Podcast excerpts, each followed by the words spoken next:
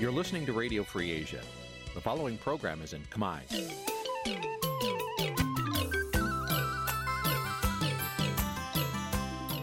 Nǐ ជាកម្មវិធីផ្សាយ Vuthu Azizi Serai នេះជាកម្មវិធីផ្សាយរបស់ Vuthu Azizi Serai ជាភាសាខ្មែរ Vuthu Azizi Serai សូមស្វាគមន៍លោកអ្នកនាងទាំងអស់ពីរដ្ឋធានី Washington នៃសហរដ្ឋអាមេរិកពីរដ្ឋធានី Washington នាងខ្ញុំសុជីវីសូមជម្រាបសួរលោកអ្នកនាងកញ្ញាដែលកំពុងស្ដាប់ Vuthu Azizi Serai ទាំងអស់ជាទីមេត្រីយើងខ្ញុំសូមជូនកម្មវិធីផ្សាយសម្រាប់ព្រឹកថ្ងៃសុក្រ12កើតខែកដឹកឆ្នាំថោះបัญចស័កពុរសករាជ2567ចាដែលត្រូវនៅថ្ងៃទី24ខែវិច្ឆិកាគ្រិស្តសករាជ2023ជាដំបូងនេះសូមអញ្ជើញលោកអ្នកនាងស្ដាប់ព័ត៌មានប្រចាំថ្ងៃដែលមានមេតិការដូចតទៅ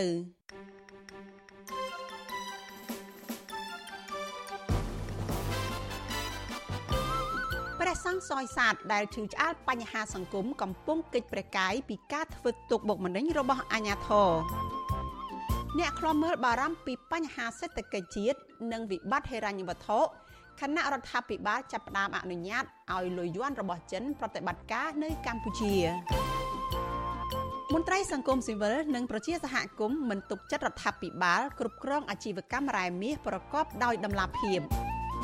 អ្នកសារព័ត៌មានភាគច្រើនបារម្ភពីសវត្ថិភាពក្នុងការប្រើប្រាស់ប្រព័ន្ធអ៊ីនធឺណិតដោយសារក្រុមហ៊ុនអ៊ីនធឺណិតមួយចំនួនមានការលូកដៃពីរដ្ឋាភិបាលរួមនឹងព័ត៌មានសំខាន់សំខាន់មួយចំនួនទៀតជាបន្តទៅទៀតនេះនាងខ្ញុំសុជីវីសូមជូនព័ត៌មានទាំងនេះពិស្ដាលោកអ្នកនាងជាទីមេត្រីព្រះសង្ឃសយសាទកំពុងកិច្ចប្រកាយពីការប៉ុនប៉ងធ្វើទុកបុកម្នេញរបស់អាជ្ញាធរដោយសារព្រះអង្គបន្តឈឺឆ្អាលបញ្ហាសង្គម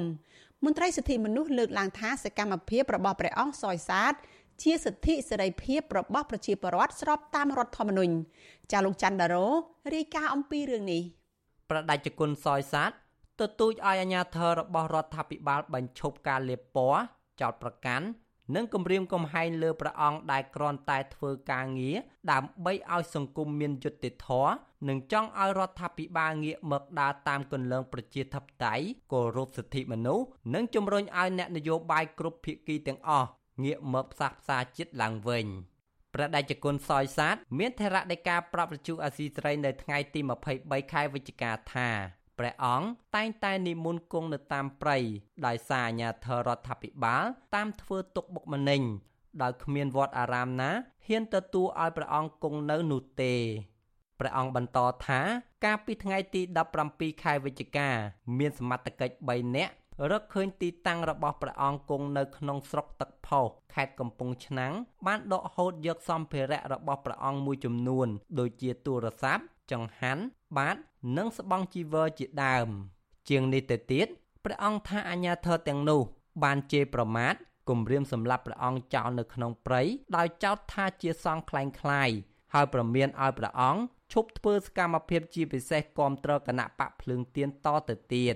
ព្រះអង្គឲ្យដឹងថាហេតុការណ៍នោះគឺកើតឡើងមួយថ្ងៃក្រោយពេលព្រះអង្គបង្ហោះសារនៅលើ Facebook ក្រុងរៀបចំធ្វើធម្មយាត្រាពីទីលានប្រជាធិបតេយ្យនៅទីក្រុងភ្នំពេញទៅកាន់ខេត្តសៀមរាបចាប់ពីថ្ងៃទី1ដល់ថ្ងៃទី10ធ្នូដើម្បីលើកកម្ពស់សិលធម៌សង្គមនិងប្រារព្ធទិវាសិទ្ធិមនុស្សអន្តរជាតិឈប់ទឹកអាត្មាទៅឈប់ ចងកម្មចងពីអាត្មាទៅឈប់ប្តឹងទៅតុលាការទៅអាត្មាឲ្យមានកំហុសអ្វីដែលខុសទេពោធ្វើនេះព្រមមានចែងនៅក្នុងរដ្ឋធម្មនុញ្ញរួចជាស្រេចហើយការប្រើសិទ្ធិនេះហើយប្រយ៉ាងទៀតក្នុងនាមអាត្មាជាប្រសង់ជាអត្តមភេទឃើញការកាប់សម្លាប់ការបៀតបៀនជីវិតគ្នាជាការຕົកពោចងពីវិរិយមិនចេះចប់ម្ល៉េះហើយឈប់លៀបពោគ្នាទៅធ្វើម៉េចប្រទេសយើងវាមានអសន្តិភាពយូរហើយធ្វើម៉េចអ្នកនយោបាយអ្នកប្រាជ្ញចំនួនក្រោយនេះស្ដារសង្គមយើងឲ្យមានសុខសន្តិភាពតែប៉ុណ្្នឹងទេអត់មានចង់បានអីទេថេរដីការបស់ប្រដេជគុណសយសាទនេះគឺស៊ីសង្វាក់ទៅនឹងជនមិនស្គាល់អត្តសញ្ញាណបានយកគណនី Facebook របស់ព្រះអង្គផ្ញើសារគម្រាមអ្នកគាំទ្ររបស់ព្រះអង្គជាច្រើនអ្នកទាំងក្នុងនិងក្រៅប្រទេសដែលវិទ្យុអាស៊ីសេរីបានឃើញដែរនោះបានសរសេរថាក្រុមអាជើងខ្លាំងអញចាប់បានសង់ខ្លាញ់ខ្លាយអញទុកជីវិតហើយ អ្នកណាហ៊ានវាយប្រហារសម្ដេចហ៊ុនសែនអញនឹងតាមកំទេចសកម្មជននយោបាយនិងអ្នកគាំទ្រព្រះអង្គសយសាទទទួលបានសារនោះគឺបន្ទាប់ពីបាត់ដំណឹងព្រះអង្គរយៈពេលជាច្រើនសប្តាហ៍កន្លងទៅនេះវិទ្យុអាស៊ីសេរីមិនអាចតាក់ទងអ្នកនាំពាក្យក្រសួងមហាផ្ទៃលោកខៀវសុភ័ក្រនិងប្រធានអង្គភិបអ្នកនាំពាក្យរដ្ឋាភិបាលលោកប៉ែនបណ្ណាដើម្បីបកស្រាយជុំវិញរឿងនេះបានទេនៅថ្ងៃទី23ខែវិច្ឆិកានេះ។ ប្រដេជគុណសោយសាទត្រូវបានសមត្ថកិច្ចខេត្តបាត់ដំបង ចាប់ឃាត់ប្រកាយនិងចាប់ផ្សឹកនៅស្រុកមងឫសីនៅពេលព្រះអង្គធ្វើធម្មយាត្រាផ្សព្វផ្សាយមេត្តាធម៌សុំសុខសន្តិភាពនៅក្នុងប្រទេស និងទាមទារឲ្យមានដំណោះស្រាយជាតិកាលពីថ្ងៃទី9ខែមិនិនាព្រះអង្គបានបួសសាជាថ្មី និងភៀសប្រកាយទៅប្រទេសថៃ ដើម្បីរកកន្លែងមានសវត្ថភាព ដោយសារអាញាធររដ្ឋាភិបាល តាមធ្វើទុកបុកម្នេញព្រះអង្គជាបន្តបន្ទាប់ប៉ុន្តែរយៈពេល1ខែក្រោយមកព្រះអង្គបាននិមន្តមកកម្ពុជាវិញជុំវិញរឿងនេះប្រធានសមាគមការពារសិទ្ធិមនុស្សអាត់ហុកលោកនីសុខាមើលឃើញថា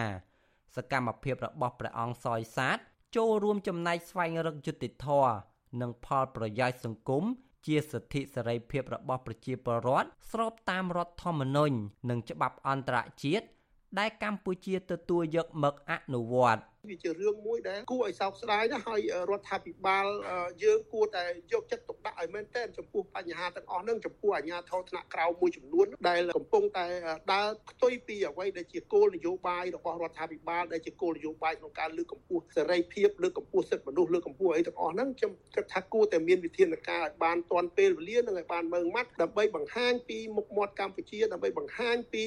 ស្មារតីមួយថាកម្ពុជាគឺជាប្រទេសមួយដែលថា មានការតាំងចិត្តខ្ពស់ក្នុងការគោរពសិទ្ធិមនុស្សប្រដេជគុណសយសាទប្រជជន72ព្រះវសា ជាព្រះសង្ឃខ្មែរមួយអង្គដែលមិនខ្លាចការធ្វើទុកបុកម្នេញពីអាញាធរដោយព្រះអង្គហ៊ានចេញធ្វើធម្មយាត្រានិមន្តដោយថ្មើរជើងស្នើបញ្ឈប់ការធ្វើទុកបុកម្នេញលើអ្នកធ្វើការងារសង្គមនិងទាមទារឲ្យលើកកម្ពស់សិលធម៌សង្គមព្រះសង្ឃអង្គនេះត្រូវបានព្រះចៅអធិការបណ្ដេញចេញពីវត្ត នឹងត្រូវបានតឡាការខេត្តកំពង់ស្ពឺ ចេញដោយការចោទប្រកាន់ព្រះអង្គពីបទកាប់ទន្ទ្រានដីព្រៃដោយសារព្រះអង្គបានចូលរួមធម្មយាត្រា ជាមួយសមាគមគ្រូបង្រៀនកម្ពុជាឯករាជ្យនិងអ្នកតស៊ូផ្សេងទៀតព្រះអង្គសយសាទមានធរៈដីកាថាទោះបីអាញាធររដ្ឋាភិបាលធ្វើទុកបុកម្នេញមកលើព្រះអង្គបែបនេះក្តី ក៏ព្រះអង្គនៅបន្តធ្វើសកម្មភាពសង្គមរហូតសង្គមមានសន្តិភាពថេរភាព និងដើរតាមគន្លងប្រជាធិបតេយ្យពិតប្រាកដឡើងវិញព្រះអង្គអំពាវនាវឲ្យព្រះសង្ឃអ្នកធ្វើការងារសង្គមនិងប្រជាពលរដ្ឋចូលរួមធ្វើធម្មយាត្រាជាមួយព្រះអង្គនៅដើមខែធ្នូខាងមុខនេះខ្ញុំបាទច័ន្ទដារោវុទ្ធុអាស៊ីសេរី លោកអ្នកនាងកំពុងស្ដាប់វិទ្យុអាស៊ីសេរីទាំងអស់ជាទីមេត្រីអ្នកតាមដានសង្គមព្រួយបារម្ភចំពោះសេដ្ឋកិច្ចជាតិថាគ្មានសវត្ថិភាពហើយកម្ពុជាអាចជួបវិបត្តិហិរញ្ញវត្ថុនៅថ្ងៃអនាគតគណៈរដ្ឋាភិបាលលោកហ៊ុនម៉ាណែតអនុញ្ញាតឲ្យប្រាក់យ័ន្តរបស់ចិនប្រតិបត្តិការទូលំទូលាយនៅកម្ពុជា ប្រតិកម្មនេះបន្ទាប់ពីធនាគារជាតិនៃកម្ពុជា និងធនាគារកណ្ដាលរបស់ចិនបានចុះហត្ថលេខាយល់ព្រមអនុញ្ញាតឲ្យប្រាក់យ័ន្តរបស់ចិន អាចប្រតិបត្តិការតាមប្រព័ន្ធ Digital នៅកម្ពុជាចាលោកជាតិចំណានរីកាព័ត៌មាននេះអ្នកខ្លំមើលលើកឡើងថារដ្ឋាភិបាលលោកហ៊ុនម៉ាណែតហាក់កំពុងបំពេញមហិច្ឆតាដល់ប្រទេសចិនពាក់ព័ន្ធនឹងការអនុញ្ញាតឲ្យប្រាក់យ័ន្តចិនអាចប្រតិបត្តិការនៅកម្ពុជាគណៈរបបពេកាំងកំពុងព្យាយាមពង្រីកឥទ្ធិពលប្រាក់យ័ន្តរបស់ខ្លួននៅលើសកលលោកដើម្បីប្រឆាំងទប់ទល់នឹងជៀសវាងការប្រើប្រាស់ប្រាក់ដុល្លារអាមេរិកសម្រាប់ប្រតិបត្តិការទិញទំនិញសកលអ្នកអធិប្បាយបញ្ហានយោបាយលោកកឹមសុខ ប្រាប់វិសុវស៊ីស្រីនៅថ្ងៃទី23ខែវិច្ឆិកាថាការដែលអនុញ្ញាតឲ្យប្រាក់យន់ចិនមានឥទ្ធិពលនៅកម្ពុជាមិនត្រឹមតែធ្វើឲ្យសេដ្ឋកិច្ចជាតិគ្មានលំនឹងតែប៉ុណ្ណោះទេប៉ុន្តែថែមទាំងបង្កភាពស្មុគស្មាញក្នុងការទូទាត់ទំនិញពាណិជ្ជកម្មសកលលើពីនេះប្រទេសសមាជិកអាស៊ាននិងបណ្ដាប្រទេសភាគច្រើននៅលើពិភពលោកនៅតែផ្ដល់តម្លៃដល់ប្រាក់ដុល្លារអាមេរិកសម្រាប់ទូទាត់ទំនិញពាណិជ្ជកម្មលោកបន្តថាអ្វីដែលគ្រោះថ្នាក់ជាងនេះគឺការអនុញ្ញាតឲ្យប្រាក់យន់ចិនមានចរន្តប្រតិបត្តិការក្នុងធនាគារជាតិ វានឹងបង្កភាពងាយស្រួលសម្រាប់ក្រុមអក្រិតជនលាងលុយកខ្វក់នៅកម្ពុជា ជាមេដឹកនាំគ្មាននរណាសុកសុកបង្កើតឧបសគ្គក្នុងប្រព័ន្ធនយោបាយពាណិជ្ជកម្មអន្តរជាតិបែបនេះទេពេលហ៊ុនម៉ាណែតធ្វើយ៉ាងហ្នឹងគឺមានតែរឿងផ្សេងក្រៅពីខ្លឹមសារពាណិជ្ជកម្មរបស់ប្រទេសនិងរបស់ប្រជាពលរដ្ឋខ្មែរវាអាចជាផ្លូវបើកឲ្យគាត់ទទួលលុយយន់ចិនស្រួលក្នុងលបែងកិច្ចសហប្រតិបត្តិការពាណិជ្ជកម្មជាមួយអ្នកវិនិយោគចិនដើម្បីគាត់ប្រមូលលុយចិញ្ចឹមអំណាចគ្រួសាររបស់គាត់ សេចក្តីប្រកាសព័ត៌មានរបស់ធនាគារជាតិកម្ពុជាកាលពីថ្ងៃទី21ខែវិច្ឆិកាអះអាងថាអនុសារណៈយោគយល់គ្នាស្តីពីកិច្ចសហប្រតិបត្តិការនិងប្រព័ន្ធទូទាត់ប្រាក់សងរវាងធនាគារជាតិកម្ពុជានិងធនាគារកណ្ដាលចិនបង្កើតឡើងក្នុងគោលបំណងក្នុងការលើកកម្ពស់ប្រសិទ្ធភាពការទូទាត់ប្រាក់នៃប្រទេសទាំងពីរតាមការទូទាត់ឆ្លងដែននិងជំរុញឱកាសបច្ចេកវិទ្យាវិស័យធនាគារឲ្យបានកាន់តែទូលំទូលាយកម្ពុជានិងចិនក៏បានចុះអនុសារណៈយោគយល់គ្នាស្តីពីកិច្ចសហប្រតិបត្តិការទូទាត់ ដោយភាគីទាំងកម្ពុជានិងចិនបានឯកភាពបង្កើនការសម្របសម្រួលក្នុងការទូទាត់ពាណិជ្ជកម្មនិងការវិនិយោគជាដើមកាលពីថ្ងៃទី10ខែកក្កដាឆ្នាំ2023ធនាគារជាតិកម្ពុជាក៏បានចុះអនុសារណៈយោគយល់គ្នាស្តីពីកិច្ចសហប្រតិបត្តិការទូទាត់សងប្រាក់ឆ្លងដែនតាមប្រព័ន្ធ QR code ជាមួយនឹងក្រុមហ៊ុនចិនដែរដើម្បីលើកកម្ពស់ដល់ប្រតិបត្តិការទូទាត់ឆ្លងប្រទេសនៃប្រព័ន្ធបាគងជាមួយនឹងបណ្ដាញទូទាត់ QR code របស់ក្រុមហ៊ុន Union Pay International របស់ក្រុមហ៊ុនចិន។ តាមរយៈកិច្ចសហប្រតិបត្តិការនេះទេសចរចិននិងអ្នកវិនិយោគចិនដែលមកកម្ពុជាអាចចាយប្រាក់យន់តាមប្រព័ន្ធ Digital ឬតាមរយៈប្រព័ន្ធធនាគារនានារបស់ជនជាតិចិនដែលនិយមប្រើប្រាស់ដោយពុំចាំបាច់បដូរប្រាក់រៀលឬប្រាក់ដុល្លារពីធនាគារជាតិកម្ពុជាឡើយទោះជាយ៉ាងណាការចុះអនុសារណៈយោគយល់គ្នារវាងធនាគារជាតិកម្ពុជាជាមួយភាគីចិនចំនួន2លើកមកនេះត្រូវបានគេមើលឃើញថាកម្ពុជាបានផ្ដល់វិសាលភាពឲ្យចិនពង្រីកឥទ្ធិពលលុយយន់តាមរយៈការទូទាត់នៅកម្ពុជាកាន់តែទូលំទូលាយ កិច្ចសហប្រតិបត្តិការនេះភាគីទាំងពីរអះអាងថាប្រាក់រៀលកម្ពុជាក៏អាចទូទាត់នៅប្រទេសចិនតាមប្រព័ន្ធ Digital បានដែរវិសុអស៊ីស្រីមិនអាចតាក់ទងអគ្គទេសាភិបាលធនាគារជាតិអ្នកស្រីជាសេរីដើម្បីសាកសួរជុំវិញរឿងនេះបានទេនៅថ្ងៃទី23ខែវិច្ឆិកាប៉ុន្តែអ្នកនាំពាក្យក្រសួងទេសចរលោកតុបសុភ័ក្រធ្លាប់ប្រាប់វិសុអស៊ីស្រីថាការបង្កើតឲ្យមានការចាយវាយប្រាក់យ័ន្តតាមប្រព័ន្ធទូទៅនៅកម្ពុជាគឺជាយុទ្ធសាស្ត្ររបស់រដ្ឋាភិបាលក្នុងការលើកទឹកចិត្តនិងបង្កភាពងាយស្រួល ដើម្បីជំរុញឲ្យទេសចរចិនមកកំសាន្តនៅកម្ពុជាកាន់តែច្រើនតែទោះជាយ៉ាងណាអ្នកខ្លំមើលមួយចំនួនមើលឃើញថាការបង្កើនកិច្ចសហប្រតិបត្តិការលើវិស័យធនាគារដោយអនុញ្ញាតឲ្យប្រាក់យន់ចិនអាចទូទាត់នៅកម្ពុជាបែបនេះគឺជាយុទ្ធសាស្ត្រពង្រីកឥទ្ធិពលរបស់ប្រទេសចិនកុម្មុយនីសមួយកម្រិតទៀតមកលើកម្ពុជាប្រទេសចិនកុម្មុយនីសក្នុងរយៈពេល10ឆ្នាំមកនេះបានព្យាយាមពង្រីកប្រាក់យន់របស់ខ្លួននៅលើពិភពលោកជាពិសេសនៅតាមប្រទេសដែលមិនសូវគោរពនីតិរដ្ឋនិងមានប្រជាធិបតេយ្យទន់ខ្សោយដើម្បីកាត់បន្ថយការពឹងផ្អែកលើលើប្រាក់ដុល្លារអាមេរិក ក្នុងការទូទាត់ទំនិញពាណិជ្ជកម្មអ្នកតាមដានស្ថានភាពនយោបាយខ្លះលើកឡើងថាការដែលកម្ពុជាប្រើប្រាស់ប្រាក់យន់ចិនក្នុងការទូទាត់ទំនិញជាមួយចិននោះគឺដើម្បីទប់ទល់ទៅនឹងការដាក់ទណ្ឌកម្មសេដ្ឋកិច្ចពីបណ្ដាប្រទេសលោកសេរីខ្ញុំបាទជាចំណាន Visual ស៊ីស្រីប្រធានាទី Washington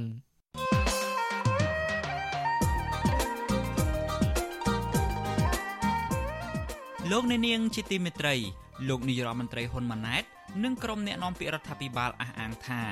រដ្ឋាភិបាលថ្មីសម្រេចបានសមិទ្ធផលការងារលើសពីការរំពឹងទុកនៅក្នុងការដឹកនាំរយៈពេល3ខែនេះតើអ្វីខ្លះដែលរដ្ឋាភិបាលអះអាងថាសម្រេចបាន ហើយថាតើមានអ្វីខ្លះទៀតដែលរដ្ឋាភិបាលថ្មីនេះមិនទាន់បានធ្វើឬមួយក៏ធ្វើមិនទាន់បាននោះបាទនេះគឺជាប្រធានបទនៃវេទិកាអ្នកស្ដាប់វិទ្យុអាស៊ីសេរីនៅយប់ថ្ងៃសុក្រទី24ខែវិច្ឆិកានេះ បាទយើងនឹងលើកយកជ្រុងខាងវិស័យការងារនិងនយោបាយមកជជែកពិភាក្សានៅក្នុងកម្មវិធីនេះបាទសូមលោកអ្នកនាងរងចាំស្ដាប់កុំបីខានប្រសិនបើលោកអ្នកនាងមានសំណួរចង់សួរវាគ្មិនរបស់យើងឬមួយចង់បញ្ចេញមតិយោបល់លោកអ្នកនាងអាចដាក់លេខទូរស័ព្ទរបស់លោកអ្នកនាងនៅក្នុងខ្ទង់ comment Facebook និង YouTube របស់ Virtu Azizi Serai ដែលយើងកំពុងផ្សាយផ្ទាល់នោះបាទក្រុមការងាររបស់យើងនឹងហៅទៅលោកអ្នកនាងវិញ បាទសូមអរគុណ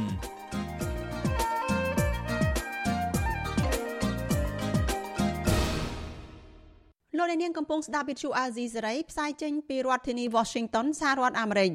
មន្ត្រីសង្គមស៊ីវិលនិងប្រជាសហគមន៍នៅឯខេត្តមណ្ឌលគិរីមិនទុកចិត្តរដ្ឋាភិបាលក្នុងការគ្រប់គ្រងប្រាក់ចំណូល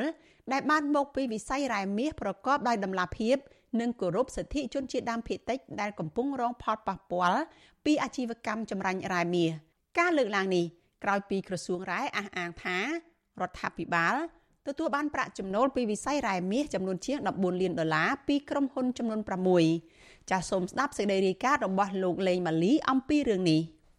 ប្រជាសហគមន៍ជនជាតិដើមភាគតិចភ្នងអះអាងថាក្រុមហ៊ុនឯកជនចំនួន6ដែលកំពុងធ្វើអាជីវកម្មរ៉ែមាសនៅមិនទាន់គោរពសិទ្ធិជនជាតិដើមភាគតិចឲ្យបានពេញលេញនៅឡើយទេហើយរាល់គម្រោងទាំងឡាយរបស់ក្រុមហ៊ុនទាំងនេះក៏មិនដាល់ជូនដំណឹងពីគ្រោះយោបល់ ដោយមានការឯកភាពពីតំណាងសហគមន៍ជនជាតិដើមភាគតិចនៅឡើយដែរប្រធានបណ្ដាញសហគមន៍ជនជាតិដើមភាគតិចភ្នងខេត្តមណ្ឌលគិរីលោកស្រីភ្លឹកភិរមប្រាប់វិទ្យុអស៊ីសេរីនៅថ្ងៃទី23វិច្ឆិកាថា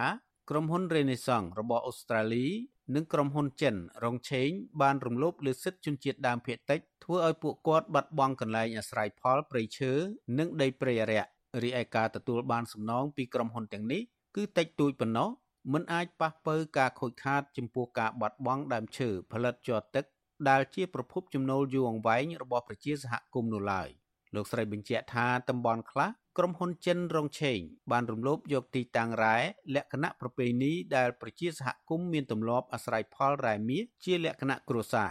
ផលពីរែច្រើនប៉ុន្តែការអភិវឌ្ឍនៅក្នុងភូមិយើងគ្មានបើពួកគេមិនពុករលួយខ្ញុំគិតថាពួកគេនឹងធ្វើល្អតែបើពួកគេពុករលួយខ្ញុំមិនគ្មាន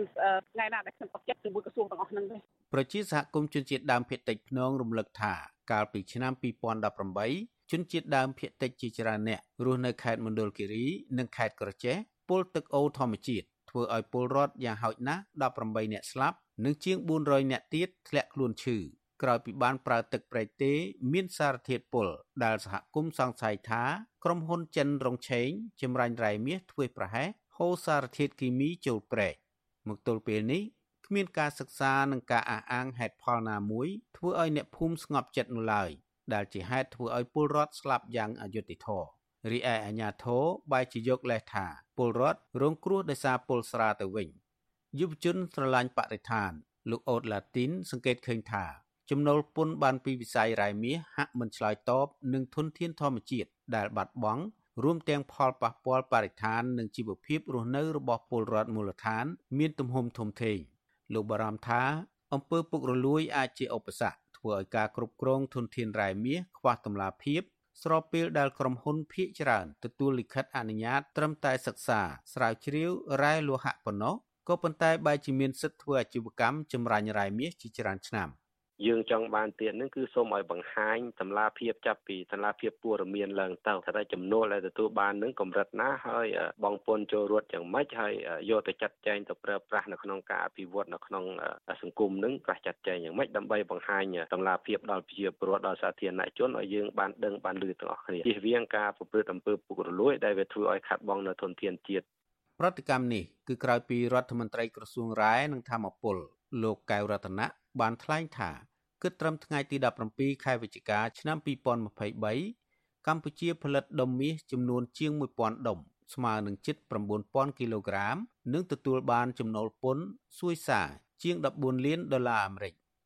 លោកកែវរតនៈថ្លែងបែបនេះក្នុងវេទិកាពិភាក្សាស្ដីពីគោលនយោបាយរ៉ែនិងធម្មពលនៅកម្ពុជា ក្នុងរាជធានីភ្នំពេញកាលពីព្រឹកថ្ងៃទី21ខែវិច្ឆិកា វិទ្យុអស៊ីសេរីមិនទាន់អាចតាក់ទងសុំការបំភ្លឺបន្ថែមរឿងនេះពីអ្នកនាំពាក្យក្រសួងរ៉ែនិងធម្មពលលោកអឹងឌីប៉ូឡាបាននៅឡើយទេ នៅថ្ងៃទី23វិច្ឆិកាដោយសារទូរស័ព្ទហៅចូលតែគ្មានអ្នកលើកជុំវិញរឿងនេះអ្នកសម្របសម្រួលលេខាធិការដ្ឋានសម្ព័ន្ធជនជាតិដើមភាគតិចកម្ពុជា លោកយុនរឡង់សង្កេតឃើញថា ពេលនេះប្រជាសហគមន៍ជនជាតិដើមភាគតិចមូលដ្ឋាន នៅពុំទាន់ទទួលបាន ការអភិវឌ្ឍណាមួយ បានផលពីវិស័យរ៉ែមាសនៅឡើយទេលោកស្នើដល់ក្រុមហ៊ុន វិនិយោគរ៉ែមាសទាំងអស់ថាត្រូវគោរពសិទ្ធិជនជាតិដើមភាគតិចនិងផ្ដល់សំណងផលប៉ះពាល់ឲ្យបានសមរម្យជនជាតិដើមភាគតិចចង់បានគឺឲ្យក្រុមហ៊ុនទាំងនោះមានការគោរពសិទ្ធិជនជាតិដើមភាគតិច មិនត្រូវឲ្យមានការប៉ះពាល់ទៅដល់សិទ្ធិសេដ្ឋកិច្ចសង្គមវប្បធម៌របស់ជនជាតិដើមភាគតិចហើយធ្វើឲ្យជនជាតិដើមភាគតិចមានហានិភ័យដោយសារតែការប្រតិបត្តិគម្រោងរ៉ែរបស់ខ្លួនឯងជនជាតិដើមភាគតិចមិនដឹងថាតើថ្ងៃណាវានឹងអាចមានការ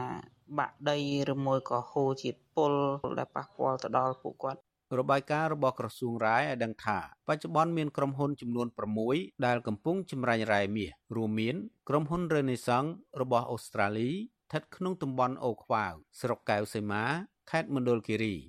ក្រុមហ៊ុន Sinsan រួមទាំងក្រុមហ៊ុន Delcom ស្ថិតនៅក្នុងតំបន់ភ្នំលុងខេត្តព្រះវិហាររីឯក្រុមហ៊ុនចិនរងឆេងស្ថិតនៅតំបន់ចុងផ្លាស់ខេត្តមណ្ឌលគិរីក្រុមហ៊ុន Singyon ស្ថិតនៅតំបន់អូត្រូនខេត្តក្រចេះហើយចុងក្រោយគឺក្រុមហ៊ុនចិន Late Chain Mining Development ស្ថិតនៅតំបន់ភ្នំជីជាប់តំបន់ព្រៃឡង់ក្នុងខេត្តកំពង់ធំ និងខេត្តក្រចេះខ្ញុំបាទលេងម៉ាលី With you Asia Serai Washington លោកនាងកញ្ញាជាទីមេត្រីចាព័ត៌មានជាបន្តទៅទៀតនេះចាតកតងទៅនឹងសេរីភាពតាមប្រព័ន្ធអ៊ីនធឺណិតសម្ព័ន្ធអ្នកសារព័ត៌មានកម្ពុជាហៅកាត់ថាកម្ពុជាបានចេញរបាយការណ៍មួយដែលរកឃើញថាអ្នកសារព័ត៌មានភាគច្រើនបារម្ភពីសវត្ថិភាពនៅពេលប្រើប្រាស់ប្រព័ន្ធអ៊ីនធឺណិតដើម្បីសរសេររឿងរសើបពីរដ្ឋាភិបាលដោយសារតែក្រុមហ៊ុនអ៊ីនធឺណិតមួយចំនួន មានការលូកដៃពីរដ្ឋាភិបាលចាលោកជាតិចំណាន មានសេចក្តីរាយការណ៍មួយទៀតអំពីរឿងនេះអ្នកខ្លំមើលលើកឡើងថារដ្ឋាភិបាលលោកហ៊ុនម៉ាណែតហាក់កំពុងបំពេញមហិច្ឆតាដល់ប្រទេសចិនពាក់ព័ន្ធនឹងការអនុញ្ញាតឲ្យប្រាក់យន់ចិនអាចប្រតិបត្តិការនៅកម្ពុជាគណៈរបស់ពេលកាំងកំពុងព្យាយាមពង្រីកឥទ្ធិពលប្រាក់យន់របស់ខ្លួននៅលើសកលលោកដើម្បីប្រឆាំងទប់ទល់នឹងជីវៀងការប្រើប្រាស់ប្រាក់ដុល្លារអាមេរិកសម្រាប់ប្រតិបត្តិការទិញទំនិញសកលអ្នកអត្ថាធិប្បាយបញ្ហានយោបាយលោកកឹមសុខប្រវិសុវស៊ីស្រីនៅថ្ងៃទី23ខែវិច្ឆិកាថាការដែលអនុញ្ញាតឲ្យប្រាក់យន់ចិន មានឥទ្ធិពលនៅកម្ពុជាមិនត្រឹមតែធ្វើឲ្យសេដ្ឋកិច្ចជាតិគ្មានលំនឹងតែប៉ុណ្ណោះទេប៉ុន្តែថែមទាំងបង្កភាពស្មុគស្មាញក្នុងការទូទាត់ទំនិញពាណិជ្ជកម្មសកលលើពីនេះប្រទេសសមាជិកអាស៊ាននិងបណ្ដាប្រទេសភាគច្រើននៅលើពិភពលោកនៅតែផ្ដល់តម្លៃដល់ប្រាក់ដុល្លារអាមេរិកសម្រាប់ទូទាត់ទំនិញពាណិជ្ជកម្មលោកបន្តថាអ្វីដែលគ្រោះថ្នាក់ជាងនេះគឺការអនុញ្ញាតឲ្យប្រាក់យន់ចិនមានចរន្តប្រតិបត្តិការក្នុងធនាគារជាតិវានឹងបង្កភាពងាយស្រួលសម្រាប់ក្រុមអក្រិតជនលាងលុយកខ្វក់នៅកម្ពុជា ជាមេដឹកនាំគ្មាននរណាសុកសុកបង្កើតឧបសគ្គក្នុងប្រព័ន្ធនយោបាយពាណិជ្ជកម្មអន្តរជាតិបែបនេះទេពេលហ៊ុនម៉ាណែតធ្វើយ៉ាងហ្នឹងគឺមានតែរឿងផ្សេងក្រៅពីខ្លឹមសារពាណិជ្ជកម្មរបស់ប្រទេសនិងរបស់ប្រជាពលរដ្ឋខ្មែរវាអាចជាផ្លូវបើកឲ្យគាត់ទទួលលុយយន់ចិនស្រួលក្នុងលបែងកិច្ចសហប្រតិបត្តិការពាណិជ្ជកម្មជាមួយអ្នកវិនិយោគចិនដើម្បីគាត់ប្រមូលលុយចិញ្ចឹមអំណាចគ្រួសាររបស់គាត់ សេចក្តីប្រកាសព័ត៌មានរបស់ធនាគារជាតិកម្ពុជាកាលពីថ្ងៃទី21ខែវិច្ឆិកាអះអាងថាអនុសារណៈយោគយល់គ្នាស្តីពីកិច្ចសហប្រតិបត្តិការនិងប្រព័ន្ធទូទាត់ប្រាក់សងរវាងធនាគារជាតិកម្ពុជានិងធនាគារកណ្ដាលចិនបង្កើតឡើងក្នុងគោលបំណងក្នុងការលើកកម្ពស់ប្រសិទ្ធភាពការទូទាត់ប្រាក់នៃប្រទេសទាំងពីរតាមការទូទាត់ឆ្លងដែននិងជំរុញឱកាសបច្ចេកវិទ្យាវិស័យធនាគារឲ្យបានកាន់តែទូលំទូលាយកម្ពុជានិងចិនក៏បានចុះអនុសារណៈយោគយល់គ្នាស្តីពីកិច្ចសហប្រតិបត្តិការទូទាត់ ដោយភាគីទាំងកម្ពុជានិងចិនបានឯកភាពបង្កើនការសម្របសម្រួលក្នុងការទូទាត់ពាណិជ្ជកម្មនិងការវិនិយោគជាដើមកាលពីថ្ងៃទី10ខែកក្កដាឆ្នាំ2023ធនាគារជាតិកម្ពុជាក៏បានចុះអនុសារណៈយោគយល់គ្នាស្តីពីកិច្ចសហប្រតិបត្តិការទូទាត់សងប្រាក់ឆ្លងដែនតាមប្រព័ន្ធ QR code ជាមួយនឹងក្រុមហ៊ុនចិនដែរដើម្បីលើកកម្ពស់ដល់ប្រតិបត្តិការទូទាត់ឆ្លងប្រទេសនៃប្រព័ន្ធបាគងជាមួយនឹងបណ្ដាញទូទាត់ QR code របស់ក្រុមហ៊ុន Union Pay International របស់ក្រុមហ៊ុនចិន។ តាមរយៈកិច្ចសហប្រតិបត្តិការនេះទេសចរចិននិងអ្នកវិនិយោគចិនដែលមកកម្ពុជាអាចចាយប្រាក់យួនតាមប្រព័ន្ធ Digital ឬតាមរយៈប្រព័ន្ធធនាគារនានារបស់ជនជាតិចិនដែលនិយមប្រើប្រាស់ដោយពុំចាំបាច់បដូរប្រាក់រៀលឬប្រាក់ដុល្លារពីធនាគារជាតិកម្ពុជាឡើយទោះជាយ៉ាងណាការចុះអនុសារណៈយោគយល់គ្នារវាងធនាគារជាតិកម្ពុជាជាមួយភាគីចិនចំនួន2លើកមកនេះត្រូវបានគេមើលឃើញថាកម្ពុជាបានផ្ដល់វិសាលភាពឲ្យចិនពង្រីកឥទ្ធិពលលុយយួនតាមរយៈការទូទាត់នៅកម្ពុជាកាន់តែទូលំទូលាយ កិច្ចសហប្រតិបត្តិការនេះភាគីទាំងពីរអះអាងថាប្រាក់រៀលកម្ពុជាក៏អាចទូទាត់នៅប្រទេសចិនតាមប្រព័ន្ធ Digital បានដែរវិសុអស៊ីស្រីមិនអាចតាក់ទងអគ្គទេសាភិបាលធនាគារជាតិអ្នកស្រីជាសេរីដើម្បីសាកសួរជុំវិញរឿងនេះបានទេនៅថ្ងៃទី23ខែវិច្ឆិកា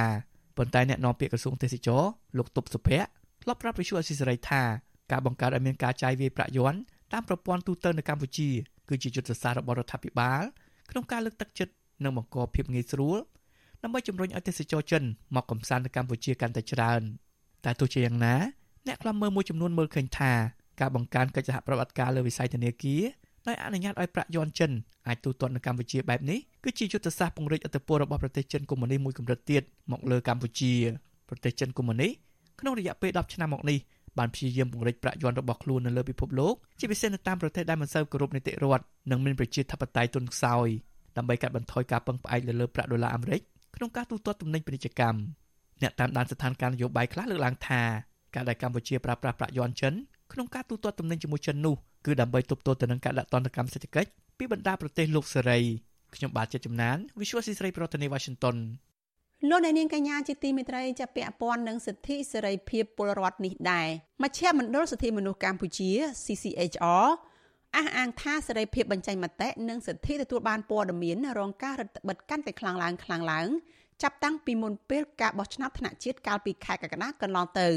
ការអះអាងនេះធ្វើឡើងនៅក្នុងរបាយការណ៍មួយស្ដីពីស្ថានភាពនៃសេរីភាពបញ្ចេញមតិសេរីភាពសារព័ត៌មាន និងសិទ្ធិទទួលបានព័ត៌មាននៅកម្ពុជា ចេញផ្សាយកាលពីថ្ងៃទី22ខែវិច្ឆិកាចាលោកជីវតា មានសេចក្តីរាយការណ៍អំពីរឿងនេះជូនលោកអ្នកនាងដូចតទៅ របាយការណ៍កម្រាស់66ទំព័ររបស់មជ្ឈមណ្ឌលសិទ្ធិមនុស្សកម្ពុជា ដែលបានចងក្រងនៅព្រឹត្តិការណ៍គម្រាមកំហែងនានាលើសេរីភាពបញ្ចេញមតិនិងស្ថាប័នសារព័ត៌មានដោយបានធ្វើករណីសិក្សាជាច្រើនករណីជាមួយក្រុមសកម្មជនសិទ្ធិមនុស្សផងនោះបង្ហាញថាយ៉ាងហោចណាស់សកម្មជនសិទ្ធិមនុស្សប្រមាណ100នាក់និងអ្នកសារព័ត៌មានចំនួន16នាក់បានរងការបំផិតបំភ័យដោយសារតែរដ្ឋាភិបាលប្រើប្រាស់យន្តការតុលាការ គម្រាមកំហែងអ្នកដែលហ៊ានបញ្ចេញមតិរិះគន់រដ្ឋាភិបាលជាមួយគ្នានេះរបាយការណ៍សង្កត់ធ្ងន់ថាការដកហូតអាញាប័ណ្ណសារព័ត៌មានចំនួន5ដែលរួមទាំងការដកអាញាប័ណ្ណវិទ្យុសម្លេងប្រជាធិបតេយ្យ VOD និងការរាំងខ្ទប់គេហទំព័រសារព័ត៌មានឯករាជ្យនៅមុនការបោះឆ្នោតជាតិកន្លងទៅ គឺជាការអនុវត្តផ្ទុយទៅនឹងសេចក្តីប្រកាសជាសកលស្តីអំពីសិទ្ធិមនុស្ស អ្នកសម្របសម្រួលគម្រោងគាំពៀប្រព័ន្ធផ្សព្វផ្សាយឯករាជ្យនិងសេរីភាពមូលដ្ឋាននៅកម្ពុជានៃមជ្ឈមណ្ឌលសិទ្ធិមនុស្សកម្ពុជាលោកហ៊ួនផនប្រាវិទ្យុអាស៊ីសេរីថាគោលបំណងក្នុងការផ្សព្វផ្សាយរបាយការណ៍សេរីភាពបញ្ចេញមតិនិងសិទ្ធិទទួលបានព័ត៌មាននេះគឺដើម្បីស្នើឲ្យរដ្ឋាភិបាលបញ្ឈប់ជាបន្ទាន់នៅការគម្រាមកំហែងទៅលើសិទ្ធិសេរីភាពទាំងនេះលោកបន្តថាក្រៅពីរកឃើញករណីរំលោភសិទ្ធិសេរីភាពបញ្ចេញមតិនោះហើយ CCHR ក៏បានរកឃើញថាអ្នកសារព័ត៌មានជាស្ត្រីក៏បានរងការបៀតបៀនផ្លូវភេទពីសំណាក់អាជ្ញាធរផងដែរ ខ្ញុំគិតថាអនុសាសន៍ដែលមាននៅក្នុងរបាយការណ៍របស់មជ្ឈមណ្ឌលជំនាញកម្ពុជាគឺជាផ្នែកមួយក្នុងការផ្ដល់ភាពចូលទៅដល់រដ្ឋាភិបាលដើម្បីលោកយកទៅគិតពិចារណាក្នុងការជួយកែលម្អអ្វីដែលជាបញ្ហា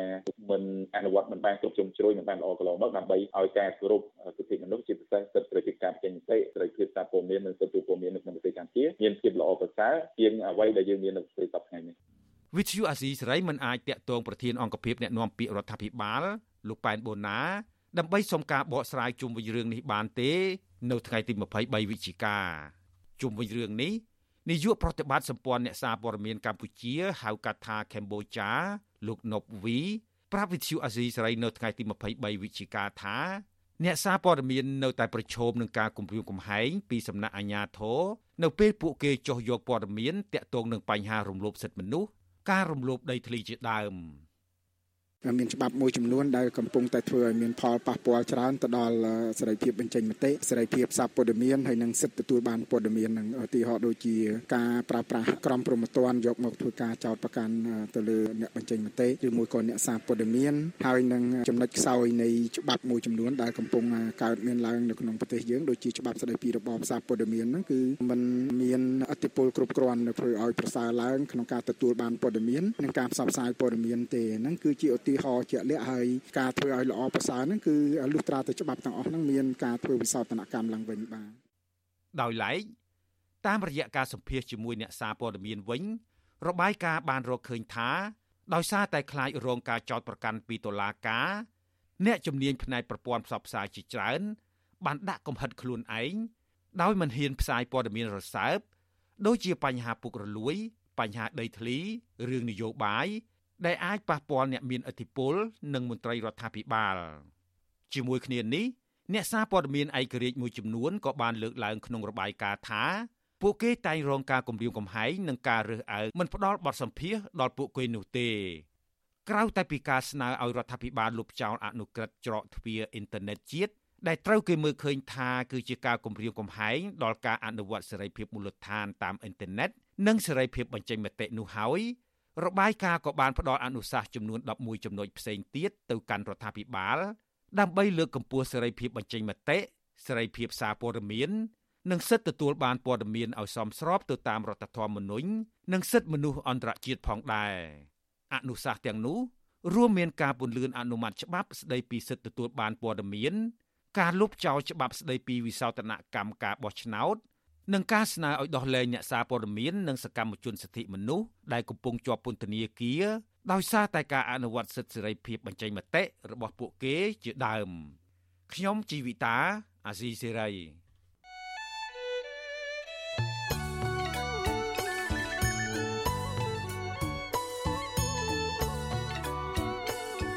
លោកអ្នកនាងកញ្ញាប្រិយមិត្តជាទីមេត្រីដំណើរគ្នានឹងស្ដាប់ការផ្សាយផ្ទាល់របស់វិទ្យុអាស៊ីសេរី តាមរយៈបណ្ដាញសង្គម Facebook YouTube និង Telegram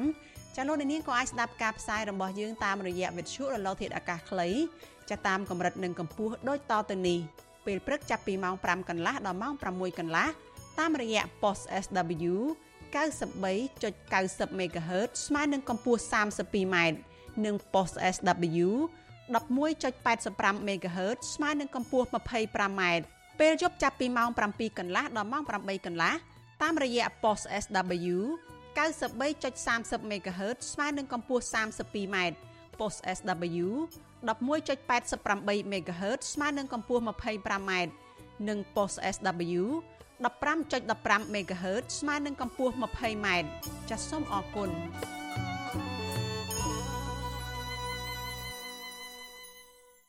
លោកនាងកញ្ញាជាទីមេត្រីចាព័ត៌មានជាបន្តទៅទៀតនេះចាតកតងទៅនឹងក្តីបារម្ភពីសវត្ថភាពរបស់សកម្មជនគណបកនយោបាយសកម្មជនគណបកភ្លើងទៀនកំពុងភៀសខ្លួននៅប្រទេសថៃមួយគ្រួសារបារម្ភពីសវត្ថភាពក្រោយអាញាធរថៃបានតាមចាប់ខ្លួនផ្ទួនផ្ទួនគ្នាពួកគេអំពាវនាវឲ្យរដ្ឋាភិបាលកម្ពុជានិងថៃបញ្ឈប់ការធ្វើទុកបុកម្នេញមន្ត្រីសិទ្ធិមនុស្សទទូចរដ្ឋាភិបាលរបស់លោកហ៊ុនម៉ាណែតឲ្យដោះស្រាយវិបត្តិនយោបាយនិងគោរពសិទ្ធិនិងសេរីភាពពលរដ្ឋ ចាលោកច័ន្ទដារ៉ូមានសេចក្តីរាយការណ៍មួយទៀតអំពីរឿងនេះសកម្មជនគណៈបកភ្លើងទៀនមួយគ្រួសារបង្ខំចិត្តរត់ភៀសខ្លួនដើម្បីគេចពីការធ្វើទុកបុកម្នេញរបស់សមត្ថកិច្ចកម្ពុជាកំពុងប្រឈមគ្រោះថ្នាក់ដល់សវត្ថភាពដោយសារសកម្មភាពតស៊ូមតិនៅក្រៅប្រទេសសកម្មជនគណៈបកភ្លើងទៀនខេត្តពោធិ៍សាត់ដែលកំពុងភៀសខ្លួននៅប្រទេសថៃលោកជាតិខេមរា ប្រាប់វិទ្យុអាស៊ីសេរីថាលោកខ្លាចមានការបញ្ជូនខ្លួនត្រឡប់ទៅកម្ពុជាវិញដោយសារជនមិនស្គាល់អត្តសញ្ញាណរួមទាំងប៉ូលីសថៃគំរាមកំហែងពីសវត្ថភាពជាបន្តបន្ទាប់លោកថាលោកត្រូវបានបុគ្គលម្នាក់ដែលស្គាល់អាស័យដ្ឋានបន្ទប់ជួលរបស់លោកនៅទីក្រុងបាងកកបានយក Facebook ឈ្មោះមុលមិច ផ្ញើសារមកគម្រាមសម្លាប់កាលពីថ្ងៃទី12ខែវិច្ឆិកាហើយដែលអ្នកសារព័ត៌មានរបស់វិទ្យុអាស៊ីសេរីក៏ឃើញសារនោះដែរលោកថាលោកបានបដូរទីតាំងស្នាក់នៅថ្មីបាន10ថ្ងៃស្រាប់តែសមត្ថកិច្ចថៃស្លៀកពាក់ឯកសន្តាននិងស៊ីវិលជាច្រើនអ្នកបានប៉ុនប៉ងចាប់លោកលោកអះអាងថា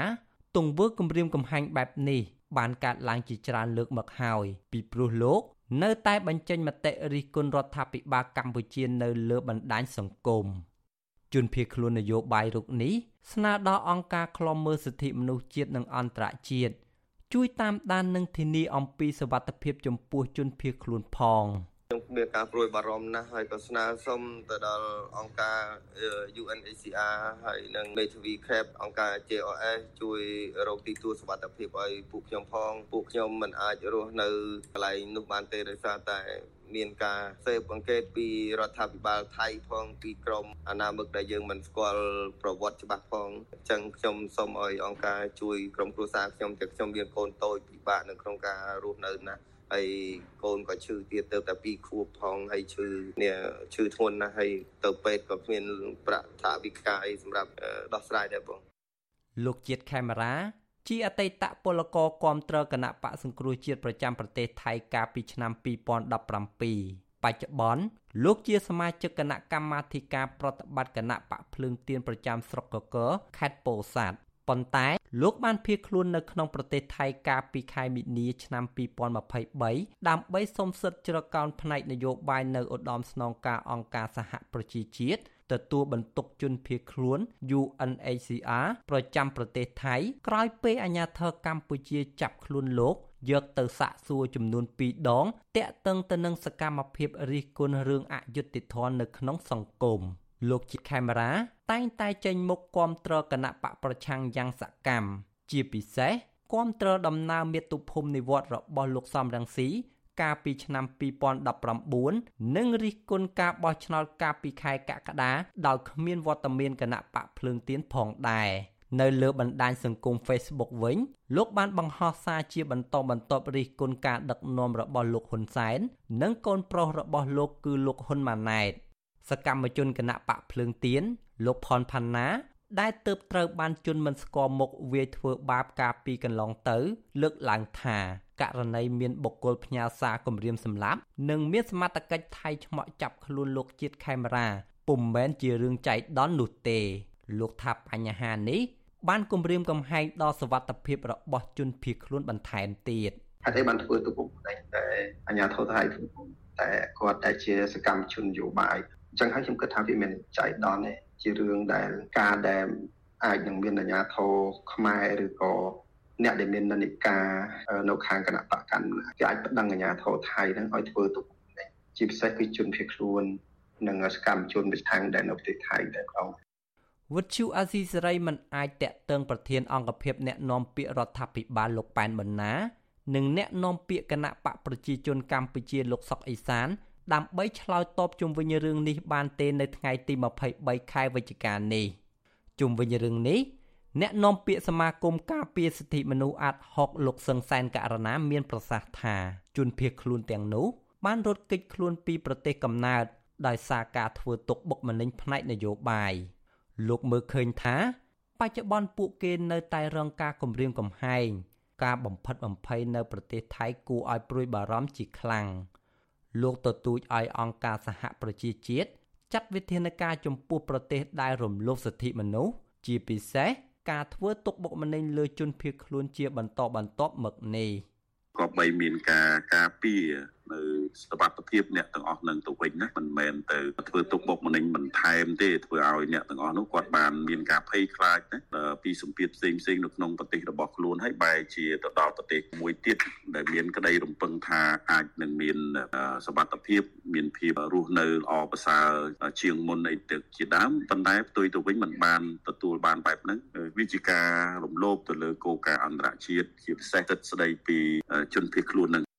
យ៉ាងហោចណាស់មានសកម្មជនគណៈបកសង្គ្រោះជាតិនិងគណៈបកភ្លើងទៀនជាង70នាក់កំពុងភៀសខ្លួននៅប្រទេសថៃ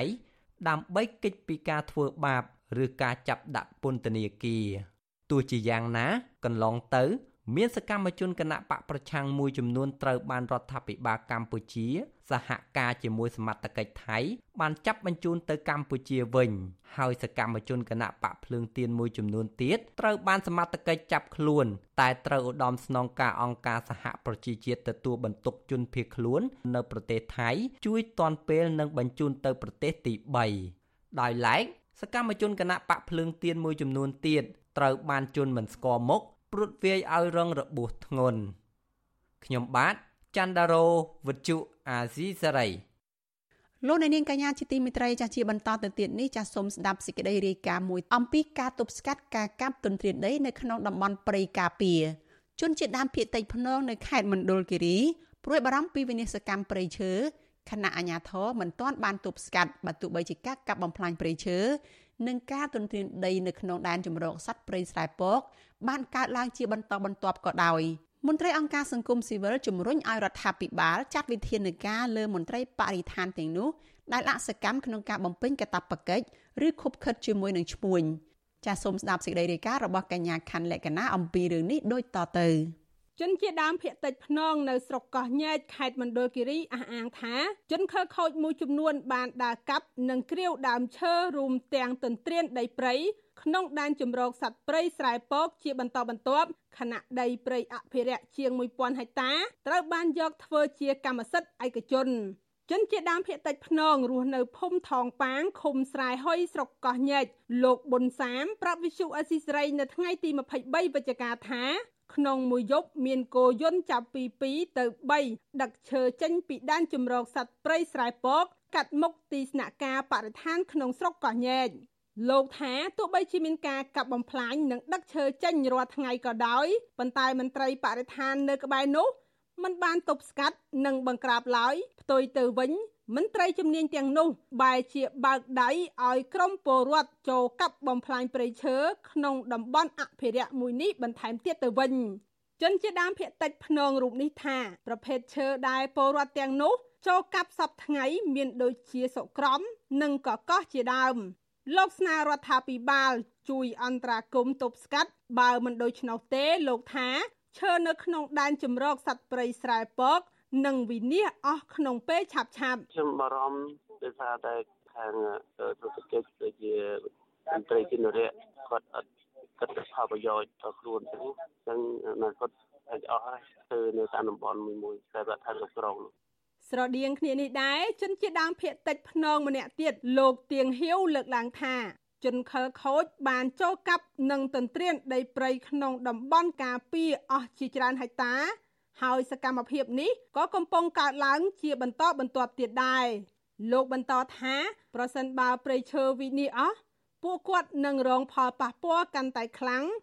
ពីព្រោះបច្ចុប្បន្នពួកគាត់គ្មានមុខរបរអ្វីក្រៅពីអាស្រ័យផលធនធានធម្មជាតិនិងជីវៈចម្រុះនៅតំបន់នោះឡើយខ្ញុំសូមសំណូមពរទៅដល់ថ្នាក់ដឹកនាំមូលដ្ឋានក៏ដូចជាសម្ដេចបវរថាបតីហ៊ុនម៉ាណែតដែលជានាយករដ្ឋមន្ត្រីថ្មីនៃព្រះរាជាណាចក្រកម្ពុជាសូមឲ្យគាត់មានវិធានការទៅលើដីព្រៃបរដ្ឋរួមទាំងពន្លឿននីតិវិធីនៃការចុះបញ្ជីដីសហគមន៍សមូហភាពបើមិនដូច្នេះទេសហគមន៍របស់ខ្ញុំបាទនឹងរួមទាំងសហគមន៍ដទៃទៀតគាត់នឹងជួបហានិភ័យដោយសារបាត់បង់ដីព្រៃដែលគាត់ធ្លាប់អនុផលព្រៃឈើបាទវិសុវអាស៊ីសេរីមិនអាចសុំការអធិប្បាយបញ្ហានេះពីអនុប្រធានមន្ត្រីបរិស្ថានខេត្តមណ្ឌលគិរីលោកដិនប៊ុនធឿននិងអ្នកនាំពាក្យក្រសួងបរិស្ថានលោកផៃប៊ុនឈឿនបានទេ នៅថ្ងៃទី23វិច្ឆិកាដោយទូរស័ព្ទចូលគ្មានអ្នកទទួលជុំវិញរឿងនេះមន្ត្រីសមាគមអាត6ប្រចាំខេត្តមណ្ឌលគិរី លោកប៊ីវ៉ានីជំរុញឲ្យរដ្ឋាភិបាលនិងអាជ្ញាធរពាក់ព័ន្ធធ្វើការស៊ើបអង្កេតលើមន្ត្រីបរិស្ថាននៅតំបន់ការពារនីមួយៗហើយបើរកឃើញថាមន្ត្រីទាំងនោះបានខົບខិតគ្នាជាមួយឈ្មួញត្រូវចាត់វិធានការច្បាប់ដើម្បីកុំឲ្យករណីនេះកើតឡើងបន្តទៀតទុកឲ្យបញ្ហាតតែតតែនឹងនៅតែបន្តទៀតវា ជាមិនផុតពីការខូចខាតឬក៏បហន្តរាយនៃការបាត់បង់ធនធានធម្មជាតិទេអញ្ចឹងយើងមានតែស្នើសុំឲ្យមន្ត្រីបកឋានឬក៏អាជ្ញាធរខេត្តក៏ដូចជារដ្ឋមន្ត្រីបកឋានថ្មីស្នើសុំឲ្យលោកពិនិត្យមើលឡើងវិញចំពោះទួលនីតិមន្ត្រីបកឋានតាមស្នាក់ការបកឋានដែលមិនបានអនុវត្តកាតព្វកិច្ចក្នុងនាមជាមន្ត្រីអភិរក្សឬការពារធនធានធម្មជាតិនឹងត្រូវឲ្យគាត់មានការទទួលខុសត្រូវទៅតាមផ្លូវច្បាប់ឬក៏ត្រូវបានដកចេញពីមុខតំណែងអីចឹងទៅ ដែនជំរកសត្វព្រៃស្រែពកត្រូវបានព្រះមហាក្សត្រព្រះបាទសម្ដេចព្រះនរោត្តមសីហនុកំណត់ជាតំបន់អភិរក្សតាមព្រះរាជក្រឹត្យកាលពីឆ្នាំ1993មានផ្ទៃដីជាង370,000ហិកតា ដែលមានភូមិសាស្ត្រស្ថិតនៅក្នុងស្រុកកោះញែកស្រុកកៅសីមាក្រុងសាលមនោរមនិងស្រុកអូរាំងខេត្តមណ្ឌលគិរីប៉ុន្តែជនជាដើមភៀកតិចអះអាងថា បច្ចុប្បន្នព្រៃអភិរក្សមួយនេះ បានរងការកាប់បំផ្លាញយកឈើធំធំ និងការកាប់ទន្ទ្រានយកដីជាសម្បត្តិបុគ្គលឯកជនអស់ជាង1000ហិកតាហើយខ្ញុំខណ្ឌលក្ខណាវិសុអសីសេរីលោកអ្នកនាងជាទីមេត្រីចាប់ព័ត៌មានតកតងនឹងធនធានធម្មជាតិនេះដែរចាប់ភ្នំធម្មជាតិមួយកន្លែងដែលជនជាតិដើមភាគតិចភ្នងរស់នៅក្នុងខេត្តមណ្ឌលគិរីចំនួន4ភូមិអាស្រ័យផល និងជាកន្លែងសក្ការៈ បានក្លាយជាទីតាំងវិនិយោគប្រណាំងឡានកំសាន្តរបស់ក្រុមហ៊ុនអ្នកមានលុយមានអំណាចដើម្បីបម្រើផលប្រយោជន៍បុគ្គលបណ្ដាញសហគមន៍ជនជាតិដើមភាគតិចភ្នងចាត់ទុកការវិនិយោគនេះថាជាការជន់ឈ្លីអត្តសញ្ញាណជនជាតិដើមភាគតិចចាលោកនៅវណ្ណរិនរាយការណ៍អំពីរឿងនេះប្រជាសហគមន៍ជនជាតិដើមភាគតិចភ្នងចំនួន4ភូមិរស់នៅក្នុងឃុំពូជ្រីស្រុកពេជ្រជ្រដាសោកស្ដាយភ្នំអរិយមួយកន្លែង ដែលពួកគេហៅថាភ្នំយកប្រាស់ ឬជាភាសាខ្មែរថាភ្នំព្រះត្រូវបានគ្រប់គ្រងដោយក្រុមអ្នកមានលុយមានអំណាចទាំងស្រុងហើយ រយៈពេល1ឆ្នាំកន្លងទៅនេះរីឯដីព្រៃដែលដុះនៅជំរាលភ្នំជំរកសត្វព្រៃនិងកន្លែងខ្វៀលគោរបស់ជនជាតិដើមភាគតិចភ្នង ទំហំសរុបជាង100ហិកតា ដែលប្រជាពលរដ្ឋ4ភូមិអាស្រ័យផលតាំងពីបុរាណមកក៏ត្រូវគេឈូសឆាយកំទេចអស់ស្ទើរតែទាំងស្រុងក្នុងអំឡុងឆ្នាំ2023នេះ ប្រធានបណ្ដាញសហគមន៍ជនជាតិដើមភាគតិចភ្នងខេត្តមណ្ឌលគិរី លោកស្រីភ្លឹកភីរំប្រាប់វិទ្យុអាស៊ីសេរីនៅថ្ងៃទី22ខែវិច្ឆិកាថាប្រជាសហគមន៍កំពុងពិភាក្សាគ្នាប្តឹងទាមទារដីភ្នំអរិយនេះជាថ្មីម្ដងទៀតដើម្បីស្ដារព្រៃឈើនិងអភិរក្សសម្បត្តិធម្មជាតិជាប្រយោជន៍រួម ជាពិសេសត្រូវទាមទារឲ្យអាជ្ញាធរអន្តរាគមប៉ះប៉ូវការខូចខាតធនធានធម្មជាតិនៅតំបន់នោះ លោកស្រីថាការវិនិយោគលើភ្នំអរិយនេះបំរើឲ្យផលប្រយោជន៍បុគ្គលច្រើនជាងគិតពីជីវភាពរស់នៅរបស់ប្រជាពលរដ្ឋមូលដ្ឋានគេថាគេឈូសភ្នំហ្នឹងដើម្បីបណ្ដាំងឡានប៉ុន្តែជាក់ស្ដែងគឺគេយកភ្នំហ្នឹងជាបុគ្គលឯកជនវិញអាណាគាត់មិនមែនជាកន្លែងបណ្ដាំងឡានហើយវាធ្វើឲ្យប៉ះពាល់ដល់ព្រៃជំនឿធម្មតាកន្លែងជំនឿដែលពួកខ្ញុំយើងមិនមែនយកទៅបណ្ដាំងឡានដូចជាទេចឹងនិយាយចឹងណាវាប៉ះពាល់ដល់រយៈកាល ភ្នំយកប្រាស់មានផ្ទៃដីទំហំជាង100ហិកតា ជាបណ្ដុំប្រពៃណីវប្បធម៌ដែលជនជាតិដើមភ្នងភៀកតិចគោរពបូជាតាំងពីបុរាណមក ភ្នំនេះមានដីព្រៃសត្វព្រៃកន្លែងរកអនុផលព្រៃឈើភ្នូអ្នកតា និងកន្លែងខ្វៀលគោដែលសហគមន៍អាស្រ័យផលស្ថិតនៅក្នុងឃុំពូជ្រីស្រុកពេជ្រជ្រដាខេត្តមណ្ឌលគិរី សមាជិកបណ្ដាញសហគមន៍ជួនជាតិដើមភ្នងភៀកតិចលោកស្រីរឿនហែងនិយាយថាការអភិវឌ្ឍនេះមានភាពមិនប្រក្រតីច្រើនដោយមិនបានផ្ដល់លទ្ធភាពឲ្យតំណាងសហគមន៍ចូលរួមសម្រេចចិត្តនឹងពិគ្រោះយោបល់ពីផលប៉ះពាល់បរិស្ថាន និងតំបន់ទីសក្ការៈរបស់ជនជាតិដើមភាគតិចនោះឡើយឥឡូវនេះបើនិយាយបើគេឈូសឆាយគេយកទៅធ្វើនេះអស់ហើយហ្នឹងបានអីហ្នឹងនេះគេយកទៅធ្វើផ្លូវធ្វើកន្លែងគេប៉ណ្ណាំងធ្វើអីហ្នឹងអស់ហើយហ្នឹង ហើយរត់សល់ស្អីបើគេធ្វើជុំវិញហ្នឹងហ្នឹងពីរឿងរំលោភបំពានហ្នឹងវាវាហួសទៅហើយហួសពីរំលោភនិយាយឡើងចាញ់ឥឡូវសឹងតែថាសម្លាប់ទាំងរស់ហ្មងអាហ្នឹងអាណាគាត់ទៅជំនជាតិទ្រាំលែងបានចាំមើលទៅដឹងតែរឿងហ្នឹងវិទ្យុអាស៊ីសេរីមិនអាចតាក់ទងសុំការបំភ្លឺរឿងនេះពីអភិបាលខេត្តមណ្ឌលគិរី លោកថងសាវុនបាននៅឡើយនោះទេនៅថ្ងៃទី22ខែវិច្ឆិកាដោយទូរស័ព្ទហៅចូលច្រើនដង តែគ្មានអ្នកទទួល។ រីឯអ្នកនាំពាក្យសាលាខេត្តនេះគឺលោកនាងវណ្ណៈក៏មិនអាចសុំការអធិប្បាយបានដែរនៅថ្ងៃដដែលនេះជុំវិញរឿងនេះមន្ត្រីសម្របសម្រួលសមាគមការពារសិទ្ធិមនុស្សអាត6ប្រចាំខេត្តមណ្ឌលគិរី លោកប៊ីវ៉ានីសង្កេតឃើញថាអាញាធរហាក់លាក់បាំងមិនអនុញ្ញាតឲ្យតំណាងសហគមន៍ចូលរួមសម្រេចចិត្តពីគម្រោងវិនិយោគនេះដែលលោកចាត់ទុកថាជាការរំលោភលើសិទ្ធិជនជាតិដើមភាគតិច ហើយការធ្វើបែបហ្នឹងវាបង្ហាញថាយើងមិនបានគោរពសិទ្ធិប្រជាជនជាតិបានផ្ដល់ឱកាសឲ្យប្រជាជនជាតិគាត់ចូលរួមក្នុងការអភិវឌ្ឍថាវាប៉ះពាល់ដល់ប្រពៃណីល្អបំផុតការរស់នៅរបស់គាត់តាមតាមទំនៀមទម្លាប់ហ្នឹងហើយបណ្ដាញសហគមន៍ជនជាតិដើមភាគតិចភ្នំបន្ថែមថាពុំមែនមានតែភ្នំប្រយោគប្រាស់តែប៉ុណ្ណោះទេដែលប្រឈមនឹងការរំលោភបំពានបច្ចុប្បន្ននេះមានភ្នំយ៉ាងហោចណាស់ជិត10កន្លែងផ្សេងទៀតនៅក្នុងខេត្តមណ្ឌលគិរី ក៏ប្រឈមនឹងការឈូសឆាយព្រៃដើម្បីវិនិយោគហើយភាកច្រើនបំរើឲ្យប្រយោជន៍បុគ្គលឯកជន របស់ក្រុមអ្នកមានលុយមានអំណាចខົບខិតគ្នាជាមួយអាជ្ញាធរខេត្តមណ្ឌលគិរីរីឯភ្នំខ្លះទៀតមានការសាងសង់ជារីសតនិងផ្ទះលំហែកាយបែបអភិជនរបស់មន្ត្រីរាជការធំធំអុកញ៉ា និងបុគ្គលមានអំណាចដែលបង្កើតឲ្យមានចំនួនរ៉ាំរ៉ៃជាមួយប្រជាពលរដ្ឋមូលដ្ឋាន ដែលភ ieck ច្រើនមិនទាន់ដោះស្រាយរួចនៅឡើយនោះទេខ្ញុំបាទនៅវណ្ណរិន With Chu Azizi Saray ពីរដ្ឋធានី Washington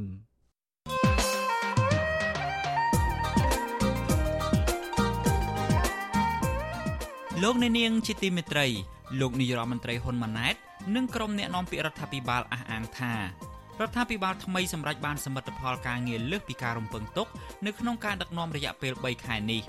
តើអ្វីខ្លះដែលរដ្ឋាភិបាលអះអាងថាសម្រេចបាន ហើយថាតើមានអ្វីខ្លះទៀតដែលរដ្ឋាភិបាលថ្មីនេះមិនទាន់បានធ្វើឬមួយក៏ធ្វើមិនទាន់បាននោះបាទនេះគឺជាប្រធានបទនៃវេទិកាអ្នកស្ដាប់វិទ្យុអាស៊ីសេរីនៅយប់ថ្ងៃសុក្រទី24ខែវិច្ឆិកានេះ បាទយើងនឹងលើកយកជ្រុងខាងវិស័យការងារនិងនយោបាយមកជជែកពិភាក្សានៅក្នុងកម្មវិធីនេះបាទសូមលោកអ្នកនាងរងចាំស្ដាប់កុំបីខាន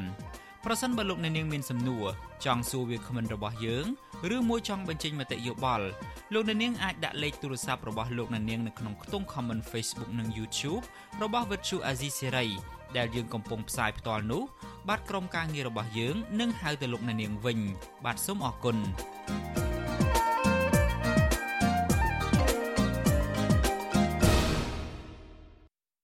លោកអ្នកនាងកញ្ញាប្រិយមិត្តអ្នកស្ដាប់ជាទីមេត្រីលោកអ្នកកំពុងស្ដាប់វិទ្យុអាស៊ីសេរីផ្សាយចេញពីរដ្ឋធានី Washington សហរដ្ឋអាមេរិកវិបត្តិសេដ្ឋកិច្ចធ្លាក់ចុះរុញច្រានឲ្យប្រជាពលរដ្ឋមួយចំនួនដែលមានជីវភាពក្រីក្រ និងជំពាក់បំណុលធនាគារបង្ខំចិត្តធ្វើការងារដោយទទួលបានប្រាក់កម្រៃទាបហើយប្រឈមនឹងការកេងប្រវ័ញ្ចពលកម្មពីសំណាក់ថៅកែក្រុមហ៊ុន ឬអ្នកម៉ៅការមន្ត្រីសង្គមស៊ីវិលថារដ្ឋាភិបាលនិងក្រសួងពាក់ព័ន្ធ គួរតែដាក់ចេញនូវវិធានការច្បាប់ឲ្យជាក់លាក់ដើម្បីទប់ស្កាត់អំពើកេងប្រវ័ញ្ចកម្លាំងពលកម្មលើកម្មករនិងសម្រួលជាមួយធនាគារឬគ្រឹះស្ថានមីក្រូហិរញ្ញវត្ថុដើម្បីពន្យាពេលឲ្យពលរដ្ឋសងត្រឡប់ចាលោកមានរិទ្ធមានសេចក្តីរាយការណ៍អំពីរឿងនេះប្រជាពលរដ្ឋមួយចំនួន ដែលប្រកបមុខរបរជាកម្មករសំណង់កម្មកររោងចក្រនិងកម្មករស៊ីឈ្នួលកាត់ស្មៅនៅក្រុមហ៊ុនដាំដើមកស៊ូ កំពុងប្រឈមទៅនឹងការកេងប្រវ័ញ្ចកម្លាំងពលកម្មធ្ងន់ធ្ងរដោយសារកត្តាជីវភាព និងការជំពាក់បំណុលធនាគារអំពើកេងប្រវ័ញ្ចកម្លាំងពលកម្មដោយខុសច្បាប់នេះធ្វើឲ្យប៉ះពាល់ដល់សុខភាពពលរដ្ឋនិងជាការរំលោភបំពានសិទ្ធិជាមូលដ្ឋានរបស់ពួកគាត់កម្មករសំណង់ម្នាក់រស់នៅខេត្តកំពង់ឆ្នាំងលោកអ៊ុំសុភីប្រាវិសុវស៊ីស្រីនៅថ្ងៃទី22ខែវិច្ឆិកាថា ក្រុមគ្រួសាររបស់លោកមានជីវភាពលំបាកលំបិននិងពុំមានប្រាក់គ្រប់គ្រាន់សម្រាប់ផ្គត់ផ្គង់ឲ្យកូនកូនរៀនសូត្រនោះឡើយលោកបន្តថាកត្តាជីវភាពលំបាកលំបិនបែបនេះហើយទើបបានជាបើទោះបីជាអ្នកមកការសំណងបន្ថយប្រាក់ឈ្នួលរបស់លោកពី40000រៀលមកសល់ត្រឹមតែ30000រៀលក្នុងមួយថ្ងៃក៏ដោយក៏លោកត្រូវបង្ខំចិត្តធ្វើដែរព្រោះតែគ្មានជំរឿ លោកអ៊ំសុភីបន្ថែមថាអ្នកមកការសំណងមួយចំនួនមិនបើកលុយឲ្យលោកនោះទេដែលធ្វើឲ្យលោកកាន់តែមានជីវភាពលំបាកលំបិន អើយចំពោះខ្ញុំវិញជាពាក់នៅគេច្រើនហ្នឹងហើយរាល់ថ្ងៃពាក់នៅច្រើនតែតែយើងដើរយើងដើរមកការអាសំណងអញ្ចឹងយើងធ្វើការសំណងយើងមិនខ្ចីទុនគេដើម្បីយកយកមកធ្វើធ្វើដើរអញ្ចឹងណាដល់ពេលធ្វើហើយអាពួកពីមកយើងធ្វើហ្នឹងគេអត់បើកលុយឲ្យយើងគេអត់អីអញ្ចឹងទៅរាល់6 3 4ឆ្នាំហើយគេអត់បើកលុយឲ្យយើងផងហើយណាស់តែយើងមិនពាក់គេតកាន់តែតតទៅសំណុលអញ្ចឹងវាពាក់ណុលគេពាក់ច្រើនហ្នឹងអ្នកដែលធ្វើការទាំងអស់ហ្នឹងគេពាក់ខ្ញុំច្រើនដែរតែគាត់អាយើងក៏จะពាក់គេតទៅទៀត ស្រដៀងគ្នានេះដែរកម្មករស៊ីឈ្នួលកាត់ស្មៅឲ្យក្រុមហ៊ុនចំការកស៊ូនៅស្រុកអណ្ដូងមាសខេត្តរតនគិរី លោករម៉ាំតេងរៀបរាប់ថាបច្ចុប្បន្ននេះលោកស៊ីឈ្នួលកាត់ស្មៅឲ្យគេ គឺពុំទទួលបានប្រាក់កម្រៃច្រើនដោយការពីពេលមុននោះទេពលគឺពីមុនលោកធ្លាប់ទទួលបានក្នុងមួយថ្ងៃ40000រៀលក៏ប៉ុន្តែសប្តាហ៍នេះបន្ថយមកនៅត្រឹមតែ20000រៀលក្នុងមួយថ្ងៃ លោកបន្តថាប៉ះសិនបើលោកមិនយកប្រាក់ឈ្នួល20000រៀលនោះទេនោះធ្វើការក្រុមហ៊ុននឹងជួលកម្មករផ្សេងជំនួសវិញ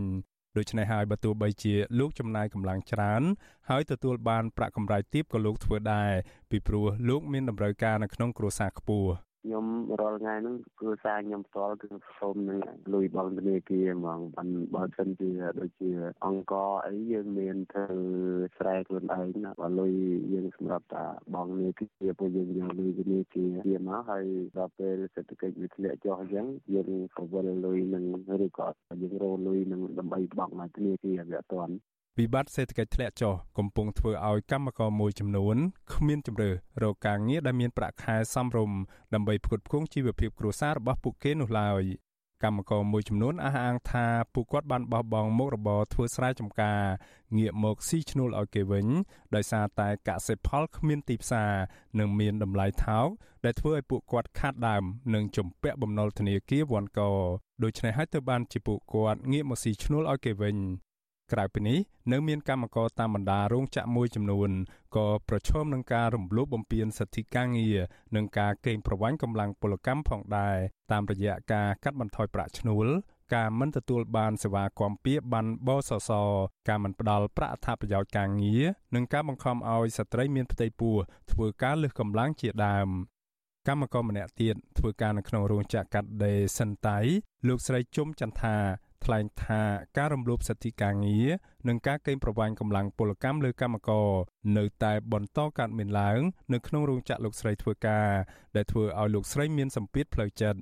លោកស្រីមិនរំពឹងថាក្រសួងការងារនិងក្រសួងពាក់ព័ន្ធអាចដោះស្រាយបញ្ហានេះបាននោះទេពីព្រោះកម្មករពុំមានលុយនិងពុំមានអំណាចដោយថៅកែរោងចក្រពេល កម្មករធំស្នើថ្ងៃបុណ្យថ្ងៃទៀនខាងកម្មករគាត់ចង់ឈប់សម្រាកច្រើនថ្ងៃឲ្យខាងរដ្ឋបាលឬក៏ខាងស្តែរោងចក្រដូចថាពួកខ្ញុំជាកម្មករស្នើសុំចឹងគឺអត់បានទេតែក៏ខាងរោងចក្រស្នើសុំមកកម្មករវិញឲ្យធ្វើថ្ងៃបុណ្យផងទៅរោងចក្រលើកធ្វើទៅថ្ងៃដែលកម្មករដែលអត់ចង់ធ្វើចឹងគឺរោងចក្រគឺធ្វើតែចិត្តឯងអត់ស្របយោបល់តាមកម្មករគឺក៏ផ្ដោតចិត្តឲ្យកម្មករតើតើនឹងបញ្ហាសេដ្ឋកិច្ចធ្លាក់ចុះ ធ្វើឲ្យមានការកេងប្រវ័ញ្ចកម្លាំងពលកម្មនេះអ្នកនាំពាក្យក្រសួងសេដ្ឋកិច្ចនិងហិរញ្ញវត្ថុលោកមាសសុកសេនសានប្រាវិសុអាស៊ីស្រីតាមបណ្ដាញសង្គម Telegram ថាលោកគ្មានសមត្ថកិច្ចលើបញ្ហានេះទេដោយលោករុញឲ្យទៅសួរមន្ត្រីក្រសួងកាងារនិងមន្ត្រីធនាគារជាតិនៃកម្ពុជាវិញ ក៏ប៉ុន្តែវិសុយអស៊ីស្រីមិនអាចតាក់ទងแนะនាំពាក្យក្រសួងកាងារលោកកតាអូននិងអគ្គទេសាភិបាលធនាគារជាតិនៃកម្ពុជា អ្នកស្រីជាស្រី ដើម្បីសុំបំភ្លឺជុំវិញបញ្ហានេះបាននៅឡើយទេនៅថ្ងៃទី22ខែវិច្ឆិកាជុំវិញបញ្ហានេះដែរនាយកទទួលបន្ទុកកិច្ចការទូតនៃអង្គការលីកាដូ លោកអំសំអាត មានប្រសាសន៍ថាការដែលក្រសួងពាក់ព័ន្ធរុញដាក់គ្នាមិនមែនជាដំណោះស្រាយល្អសម្រាប់ពលរដ្ឋនោះទេ លោកថាប៉ះសិនបារដ្ឋាភិបាល នៅតែបណ្ដាច់បណ្ដោយឲ្យបញ្ហាទាំងនេះនៅតែបន្តកើតមានឡើងនោះនោះពលរដ្ឋនឹងរងនឹងការកេងប្រវ័ញ្ចកម្លាំងពលកម្មនិងការរំលោភបំពានសិទ្ធិមនុស្សកាន់តែធ្ងន់ធ្ងរ បញ្ហាកម្លាំងពលកម្មមិនមែនតែការបង្កើនពលកម្មសម្រាប់មនុស្សធំទេទាញទៅដល់កុមារនៅក្នុងបន្ទុកហ្នឹងជួយធ្វើពលកម្មទៀតដល់ទី4គឺការចំណាក់ស្រុកដោយមិនសមស្របឬដោយបង្ខំដែលធ្វើឲ្យគាត់ចំណាក់ស្រុកដើម្បីស្វែងរកការងារនិងចំណូលដើម្បីទ្រទ្រង់គ្រួសារហើយនិងសងបំណុលនឹងទៅទៀតអញ្ចឹងគឺបញ្ហាប្រឈមរបស់គាត់នឹងអាចកើតមានជាបន្តបន្ទាប់អញ្ចឹងបញ្ហាទាំងអស់នេះដែលទាមទារត្រូវតែមានការគិតគូរខ្ពស់ ក្រៅពីករណីកេងប្រវ័ញ្ចលើកម្លាំងពលកម្មរបស់កម្មករកាលពីថ្ងៃទី20ខែវិច្ឆិកាអង្គការលីកាដូក៏បានចេញនៅរបាយការណ៍ថ្មីមួយបង្ហាញពីការកេងប្រវ័ញ្ចកម្លាំងពលកម្មលើកុមារនិងការបញ្ចាំខ្លួនដោះបំណុលក្នុងវិស័យសិប្បកម្មលោអិតនៅខេត្តកណ្ដាលនិងរាជធានីភ្នំពេញដែលធ្វើឲ្យពួកគាត់ប្រឈមនឹងបញ្ហាសុខភាពនិងការបោះបង់ចោលការសិក្សា របាយការណ៍ដដែលសង្កត់ធ្ងន់ថាការបញ្ចាំខ្លួនដោះបំណុលគឺដោយសារតែកម្មករលអិតមួយចំនួន មានជីវភាពក្រីក្រ និងមានជំងឺត្រូវការប្រាក់កាសដើម្បីព្យាបាល ដែលជំរុញឲ្យពួកគាត់ខ្ចីបុលលុយពីម្ចាស់សិប្បកម្មលអិតហើយការកើនឡើងនៃប្រាក់កម្ចីធ្វើឲ្យពួកគាត់ផុងខ្លួនក្នុងបំណុលជនរងគ្រោះភៀសច្រើនជាកុមារត្រូវឪពុកម្ដាយរបស់ពួកគេបង្ខំឲ្យឈប់រៀនដើម្បីងាកមកជួយដោះបំណុលឪពុកម្ដាយវិញ កម្មករនិងមន្ត្រីអង្គការសង្គមស៊ីវិលស្នើឲ្យរដ្ឋាភិបាលដោះស្រាយបញ្ហាការងារនិងទប់ស្កាត់ការកេងប្រវ័ញ្ចកម្លាំងពលកម្មជាបន្ទាន់ដើម្បីលើកកម្ពស់ជីវភាពគ្រួសារក្រីក្រ និងកាត់បន្ថយពលកម្មកុមារនិងកម្មករគ្រប់រូបភាពខ្ញុំបានមេរិត Visual Asia ស្រី ពីរដ្ឋធានី Washington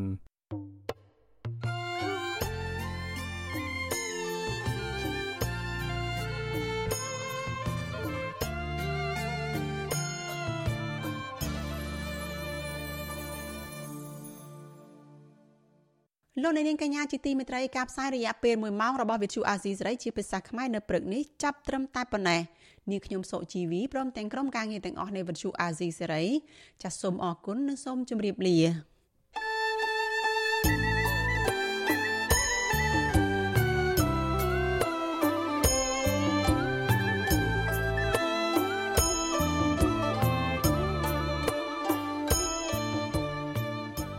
វិទ្យុអេស៊ីសរ៉ៃផ្សាយតាមរលក ធារកាសខ្លីតាមកម្រិតនិងកម្ពស់ដូចតទៅនេះពេលព្រឹកចាប់ពីម៉ោង5កន្លះដល់ម៉ោង6កន្លះតាមរយៈប៉ុស SW 93.90 MHz ស្មើនឹងកម្ពស់ 32m និងប៉ុស SW 11.85 MHz ស្មើនឹងកម្ពស់ 25m ពេលយប់ចាប់ពីម៉ោង7កន្លះដល់ម៉ោង8កន្លះតាមរយៈប៉ុស SW 93.30 MHz ស្មើនឹងកម្ពស់ 32m ប៉ុស SW 11.88 MHz ស្មើនឹងកម្ពស់ 25m និងប៉ុស SW 15.15 MHz ស្មើនឹងកម្ពស់ 20m លោកអ្នកនាងក៏អាចស្ដាប់និងទស្សនាការផ្សាយផ្ទាល់នៅលើគេហទំព័រ Visual Asia សេរីតាមរយៈអាស័យដ្ឋាន rfa.org/ ខ្មែរក្រៅពីនេះលោកអ្នកនាងក៏អាចអាននិងទស្សនាព័ត៌មាន Visual Asia សេរី